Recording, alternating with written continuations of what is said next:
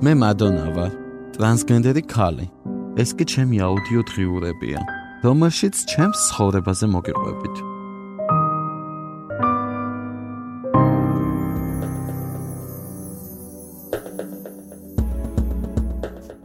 მე რომ ძალაუფლება მქონდეს.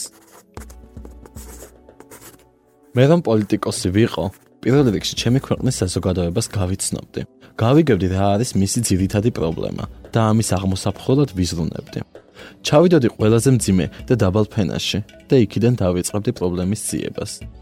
მე რომ განათლების მინისტრი ვიყო, პირველ რიგში დავაბრუნებდი რელიგიის სწავლებას სკოლაში. რათა მომავალთაობას სწორედ გაეგო რა არის სინამდვილეში რელიგია და რა ისტორია აქვს მსოფლიო რელიგიებს.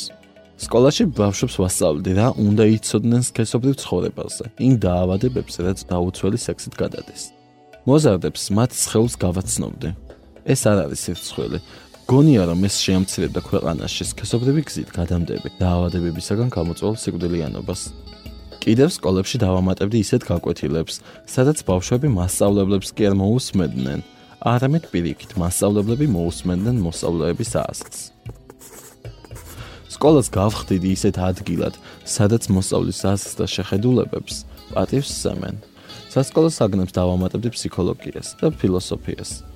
რომ ბავშვებს ცხოვრებაზე მსჯელობა შეძლებოდათ. სადაც მათ ექნებოდათ საშუალება დაესვათ კითხვა: ვინ ვარ მე?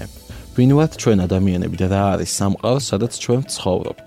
მე რომ ამის ძალაუფლება მქონდეს, შევქმნიდი ისეთ სკოლას, სადაც მოსწავლეები ისწავლიდნენ ერთმანეთის პატივისცემას, ტოლერანტობას და ჰუმანურობას. მე რომ პოლიტიკოსი ყოფილიყავი, კანონმდებლობას უფრო ჰუმანურს გავხდიდი. ხანდახან ვფიქრობ, შევქმნიდი ისეთ დაწესებულებას, ციხის ალტერნატივას, სადაც დამნაშავეები გაატარებდნენ მათთვის მიშილწლებს. მაგრამ იქ ის განსხვავება იქნებოდა, რომ მათთან მართლა იმუშავებდნენ ფსიქოლოგები, მართლა დაეხმარებოდნენ შეცდომის გააზრებაში. სულ ფიქრობ, რომ მოძალადეც მსხვერპლია და მათაც სჭირდებათ შველა და დახმარება. სხვანაირად მას უკან საზოგადოებაში ვერ დავიბრუნებთ.